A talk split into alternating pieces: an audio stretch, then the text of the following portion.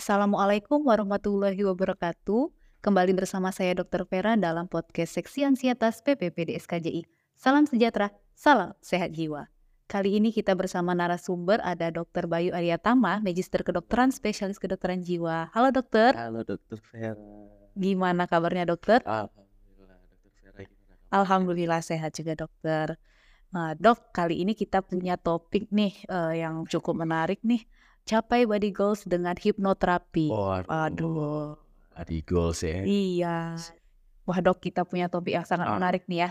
Capai body goals dengan hipnoterapi nih dok. Waduh, banyak yang mau nih. Banyak yang mau, terutama remaja-remaja di luar sana nih. Mungkin teman-teman di rumah pengen tahu nih. Ibu-ibu pengen Ibu-ibu eh, pengen juga sih. ya benar-benar. Jadi Baik, gimana dok? Body goals Ah. ini sebenarnya sama nggak sama pencapaian eh, berat badan ideal nih dok? Oke, body goals sama BBI harus kita bedain lah ya. Jadi kalau BBI itu apa? BBI itu berat badan ideal yang bisa diukur dari eh, ada rumusnya tuh biasanya. Ada ya, rumusnya ya, tinggi Dok, ya. sama berat badan. Terus jadi kita tahu berapa berat badan ideal yang harus dia punya. Tuh, kalau BBI kita belajar kan. Banyak di Google nanti cari aja gimana cara mencari berat badan ideal tuh banyak juga. Jadi sebelum tahu kita ini berat badan ideal, hitung dulu rumusnya ya, Betul, ya. kita obesitas atau malah kekurusan. Mm-mm. ya kan overweight atau underweight. Nah, kalau body goals itu sama kayak cita-cita ya kan. Saya pengen kayak The Rock ya kan atau kalau perempuan kayak siapa? Ibu pengen Dokter Vera, Kayak siapa ya dok ya? Prof Elmeda. Prof Elmi ya boleh. Body goalsnya eh, beda contoh kayak seperti itu contohnya ya. Jadi ada suatu target yang kita cita-citakan. Body goals apa mobil impian, nah itu sama. Ya. Jadi memang body goals ini bisa dikatakan belum tentu normal, tapi yang kita inginkan ya ya. Betul. Lah kok laki-laki body goalsnya biasanya kan punya otot kayak Iya, Captain iya. America ya kan. Perut six pack. Dia nggak mungkin sudah ideal, tapi kalau dihitung idealnya malah bisa berlebih karena masa ototnya yang lebih banyak. Namanya body goals. Oh, Jadi itu ya body goals ya, impian ya. impian ya Oh, dok oh. ya. Jadi eh, apakah body goals ini bisa dengan hipnoterapi dok? Karena kan yang kita tahu nih sebenarnya Baik. eh, bisa dengan olahraga, diet. Betul. Ternyata ada juga ya pengaruh dari hipnoterapi ini atau bagaimana ya dok ya? Oke. Jadi kegunaan hipnoterapi untuk mencapai body goals gitu ya. Seperti itu saya rasa beda dengan hipnoterapi bisa buat body goals. Wah, itu kalau itu nanti semuanya datang sama saya. Gitu siap keluar dari ruang praktek Penuh dengan orang pengen berotot eh. Enggak ya. Jadi kayak mana hipnoterapi itu cara kerjanya kita bakal memberikan sugesti positif yang sugesti selama ini dia salah mungkin dia ngerasa dirinya aku nggak mungkin nih mencapai body seperti si Deddy Corbuzier mungkin ya mungkin lah aku kerja begini segala macam terlalu banyak negatif pikiran yang negatif jadi dengan hipnoterapi kita harapkan sugesti-sugesti negatifnya ini berkurang. Kalau dokter Vera kita boleh ngebayangin dikit lah ya. Seperti air terus diisi garam gitu. Rasanya gimana? Asli. Asin. Nah, itulah mungkin negatif tadi Pak pikiran yang neg- negatif tadi. Terus dengan hipnoterapi kita coba masukin gula banyak. Rasanya gimana jadi? Jadi ya ada manis-manis. Mulai ya. kurang, kan? Asidnya berkurang. Nah, itu kita ibaratkan pikiran yang positif, sugesti yang positif. Setelah itu larut sama ke tubuh dia, kita lihat bagaimana tentu melalui itu kita harus punya ini juga ya apa namanya psikoterapi yang baik. Ada program-programnya dari preinduksi, induksi, baru kita bisa mencapai si body goals tadi. Betul, si keinginan contohnya ya. Dokter Vera di udah BBI nih guys saya rasa ya Dokter Vera tapi Dokter Vera pengennya lebih lagi lah aku pengen seperti ini nge-gym tapi waktu nge-gymnya nggak bisa setelah kita runut kita jadwalkan kembali ternyata bukan waktunya yang nggak ada Niatannya kurang. betul ya. niatnya yang kurang terus bingung masih seperti apa mengatur makanan tapi saya masih suka bakwan dok Iya. iya Nah, itu kan harus dikurangin contohnya kalau mau seperti itu mau lebih bagus terus kalau minum susu saya suka enak mungkin yang seperti seperti itu tuh kita bagaimana apa yang buat dokter Vera kurang mencapai body goals ya penjadwalan, mulai dari penjadwalan, cara makannya itu tetap kita atur. Jadi memang lebih mensuges ya dok ya Betul. Benar. Merubah pola pikir kita juga Betul. Pak ya dokter ya. Karena itulah belief. Ya kan? Belief itu ketika kita mempercayai sesuatu. Contoh dokter Vera nih. Sekarang pasti lagi sekolah ya dokter Vera kan Iya. PPDS. Pasti keyakinannya aku udah sekolah, aku siap untuk jadi psikiater nantinya. Ya kan? Itu harus ditanemin, dijangkar namanya untuk mencapai itu. Tapi kalau beliefnya tiba-tiba, aduh aku udah sekolah tapi nanti bisa nggak ya jadi Ada seperti ini, ada ya, keraguan. ya. Akhirnya gimana? Iya jadi bimbang, jadi semangatnya pun berkurang ya ya. Betul, benar. Seperti itu. Jadi memang di hipnoterapi ini lebih ke eh, kayak keinginan dan semangatnya jadi berlebih. Benar. Sugesti tadi ya dok ya. Betul. Karena memang dari hipnoterapi ini ada juga penelitian-penelitian yang buat tentang eh, bagaimana efektivitas dari hipnoterapi. Jadi kalau memang betul preinduksi, induksi baik dan mencapai trans tadi kita harapin sugesti tadi itu bisa 9 kali lipat Wow. kepercayaan dia untuk mencapai itu. Jadi kalau udah kita yakin dengan tindakan kita, karakter kita udah pasti berubah. Iya. Ya. Contoh dokter Vera udah yakin nih bakal bisa jadi psikiater ya kan. Terus editor kita udah yakin dia jadi psikiater ya kan. Usaha pun jadi berlebih. Benar. Harus seperti ini supaya eh, ke depan aku punya koneksi yang banyak, punya eh, relasi yang banyak psikiater. Jadi dia mencapainya itu dengan keyakinan, setelah keyakinan dia karakternya terbentuk untuk benar-benar belajar, benar-benar mungkin buat podcast ini kan kita apresiasi kali ya editor kita ini kan. Nah, seperti itu. Tapi ketika belief itu kurang, dia pasti ngerjain sesuatu Males-malesan, ogah-ogahan. betul pada akhirnya jadi psikiater mungkin atau tidak juga. Bisa jadi dia malah udahlah capek kali. Sampai aja lah. aja cukup. Ah, itu. Jadi setelah dia yakin karakternya berubah, insya Allah keinginan dia pun pasti akan tercapai. Itu yang kita Harapkan dari hipnoterapi ini ya dok itu ya. Jadi kalau misalnya dengan hipnoterapi ini kan eh, bisa nggak orang-orang dengan gangguan jiwa dok ngelakuinnya? Orang-orang dengan gangguan Gangguan mental. mental, Ah, ya, gangguan ya. mental. Nah, harus dilihat gangguan mental yang seperti apa. Jadi kan ada juga namanya body dysmorphic, body dissatisfaction itu udah termasuk gangguan mental ya. Kecuali ke pasien-pasien dengan eh, psikotik. Psikotik ataupun memang mohon maaf ya ada eh, gangguan mental yang lain yang lumayan berat. Itu kan butuh obat-obat stabilizer ataupun antipsikotik. Itu memang obatnya membuat metabolisme di tubuh kita itu meningkat. Maka mungkin seperti itu, tunggu dulu reda, setelah dia stabil dulu atau tunggu dia sehat dulu, barulah bisa kita lakukan itu. Tapi untuk body dysmorphic, ansietas, tanpa gejala psikotik tentunya ya, body dissatisfaction, di mana body dissatisfaction itu sebenarnya bodinya udah ideal, tapi dia ngerasa ada aja kurang. Ada kurang. Contoh lah ya, saya mungkin ya, saya ngerasa sempet oh udah kurus apa belum ya, tapi kok belum begini ya, kok belum begitu.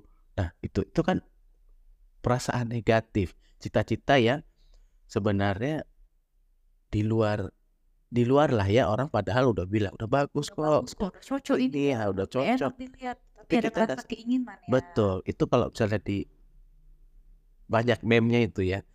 Dia kaca A tapi nampaknya gemuk padahal sebenarnya kurus gitu kan. Nah, gitu. Negatifnya itu tuh yang banyak. Itu yang kita coba ilangin. Jadi memang ada pada ke- keadaan tertentu Betul. memang tidak bisa ya dok ya. Ada keadaan tertentu yang kita bisa, belum bisa. Belum bisa. Betul. Kemudian dok eh, dari hipnoterapi ini untuk mencapai body goals, apakah ada kekurangan atau dampak buruknya nih dok? Baik. Kekurangan atau dampak buruk. Mungkin kalau kekurangan ada beberapa ya yang merasa, "Dok, kok eh, saya seminggu ini setelah diterapi udah saya nggak mau apa namanya makannya memang saya kurangin dok saya nggak ada lagi makan junk food ya gorengan saya nggak lagi tapi setelah minggu kedua mulai tuh apalagi diajak teman diajak keluarga Nah, itu juga harus kita benerin. Jadi nggak cuma hipnoterapi dengan diri dia sendiri, tapi misalnya mungkin seorang ibu pengen anaknya seperti itu, anaknya juga harus mau dulu. Jadi si uh, klien juga harus mau, dia harus punya keinginan kuat juga untuk saya mau dok uh, mencapai body goals. Gimana caranya? Jadi pertama niatan dulu ya. Betul.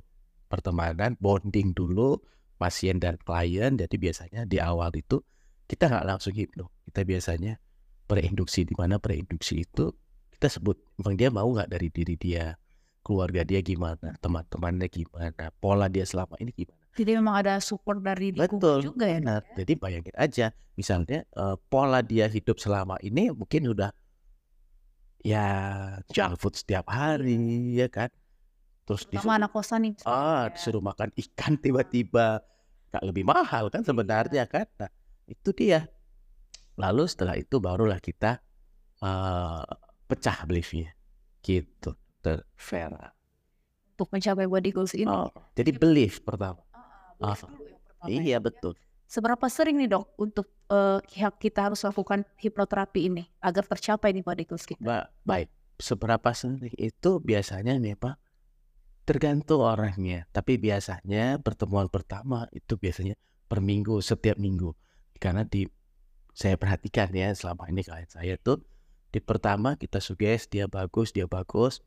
Minggu kedua mulai pudar nih sugesti. Pudar nih ya. Nah, kayak agak berat nih. Ah, Karena kan kebiasaan biasanya. Betul. Ya. Ajakan ya. dari yang lain. Karena kan dia tidak hidup sendiri. Sosialisasi kita manusia malu sosial. Beliefnya mulai kurang. Dia mungkin baca berita yang buruk, ya kan? Bisa nggak ya? Aku kayak gini. Nanti kayak gini, nanti begitu. Mulai lagi rasa negatifnya belief. Gitu. Jadi karena saya diam-diam saya ngeliatin dokter Vera juga, makanya kita coba beliefnya dokter Vera mau nggak? Wah boleh dong. Boleh, iya. Kamu pegang ini deh. Gimana gimana? Nah, oke. Okay. Saya lihat, kamu lihat nih. Ini cara hipnoterapi ya? Bukan, ini bukan hipnoterapi, tapi coba, nggak coba belief kamu. Oh gitu. Nah, kalau saya, ini mungkin nggak sih ngelewatin ini? Dengan posisi kayak gini ah. ya? Ya nyangkut dong Nyangkut ya. Iya. Tapi kalau misalnya dokter saya percaya, dia bisa gitu. Oh iya, kok bisa? Double liftnya udah bagus. Oh. Bondingnya udah dapet. Cowoknya Oh itu gak bisa dua kali, bahaya dong. Ah itu dia. Kok bisa? Belief kan? Gitu. Jadi gimana kita ngebuat belief orang untuk percaya dulu. Dengan apa? Mungkin dengan sugesti yang baik ya. Ini harusnya saya dihipnotis atau gimana? Masih bingung. Masih bingung. Oke, nggak apa-apa ya. ya seperti itu dokter Vera. Jadi mungkin dokter Vera jadi lebih paham ya kalau saya ikutin. Uh, jadi ini kalau untuk hipnoterapi ini bisa kita lakuin sendiri nggak di dok sebenarnya? Sah, betul. Nah hipnoterapi bisa dilakuin sendiri nggak? Mungkin sekarang banyak di YouTube juga banyak tuh yang buat menghipnotis diri sendiri gitu ya kan? Self hypnosis. Uh, bisa nggak sih? Bisa aja. Kalau dia sudah paham dan mengikuti. Kenapa? Karena di tidak semua orang, tadi kita bilangnya tidak semua orang bisa di hipno. Apa itu hipno? Hipno itu bagaimana kita mencapai alam bawah sadar dia. Bagaimana cara mencapai alam bawah sadarnya? Tentu ada cara-cara, step-stepnya. Itu ada preinduksi, induksi, terus uh, deepening, ya baru kita masukin change the kepercayaan dia, belief dia. Jadi kalau suatu fondasi nih dokter Vera mungkin dari dulu dibilang kalau makan nasi nggak kenyang, nggak makan nasi nggak kenyang. Kalau nggak makan nasi belum makan. Belum makan. Fondasi itu kan fondasi, ya kan? Gimana cara kita ngerubahin fondasi yang lama itu dulu, baru kita tanam lagi fondasi yang baru. Di mana ya nasi itu bukan sumber utama kita untuk nggak kenyang, ya kan? Padahal dengan minum susu makan yang cukup udah kenyang juga tapi karena sugesti atau fondasi di awal itu masih seperti itu jadi setelah makan banyak juga ah makan nasi lagi gitu untuk diajarin dulu untuk terakhir nih dok ya uh, sekalian kita edukasi ke teman-teman di rumah gimana nih langkah-langkahnya nih untuk hipnoterapi mencapai body goals ini dok baik pertama ada keinginan diri sendiri dulu. Keinginan diri ya? Betul. Keinginan diri, tanamkan, yakinkan kalau kita memang bisa mencapai itu. Bagaimanapun bentuk rupa kita.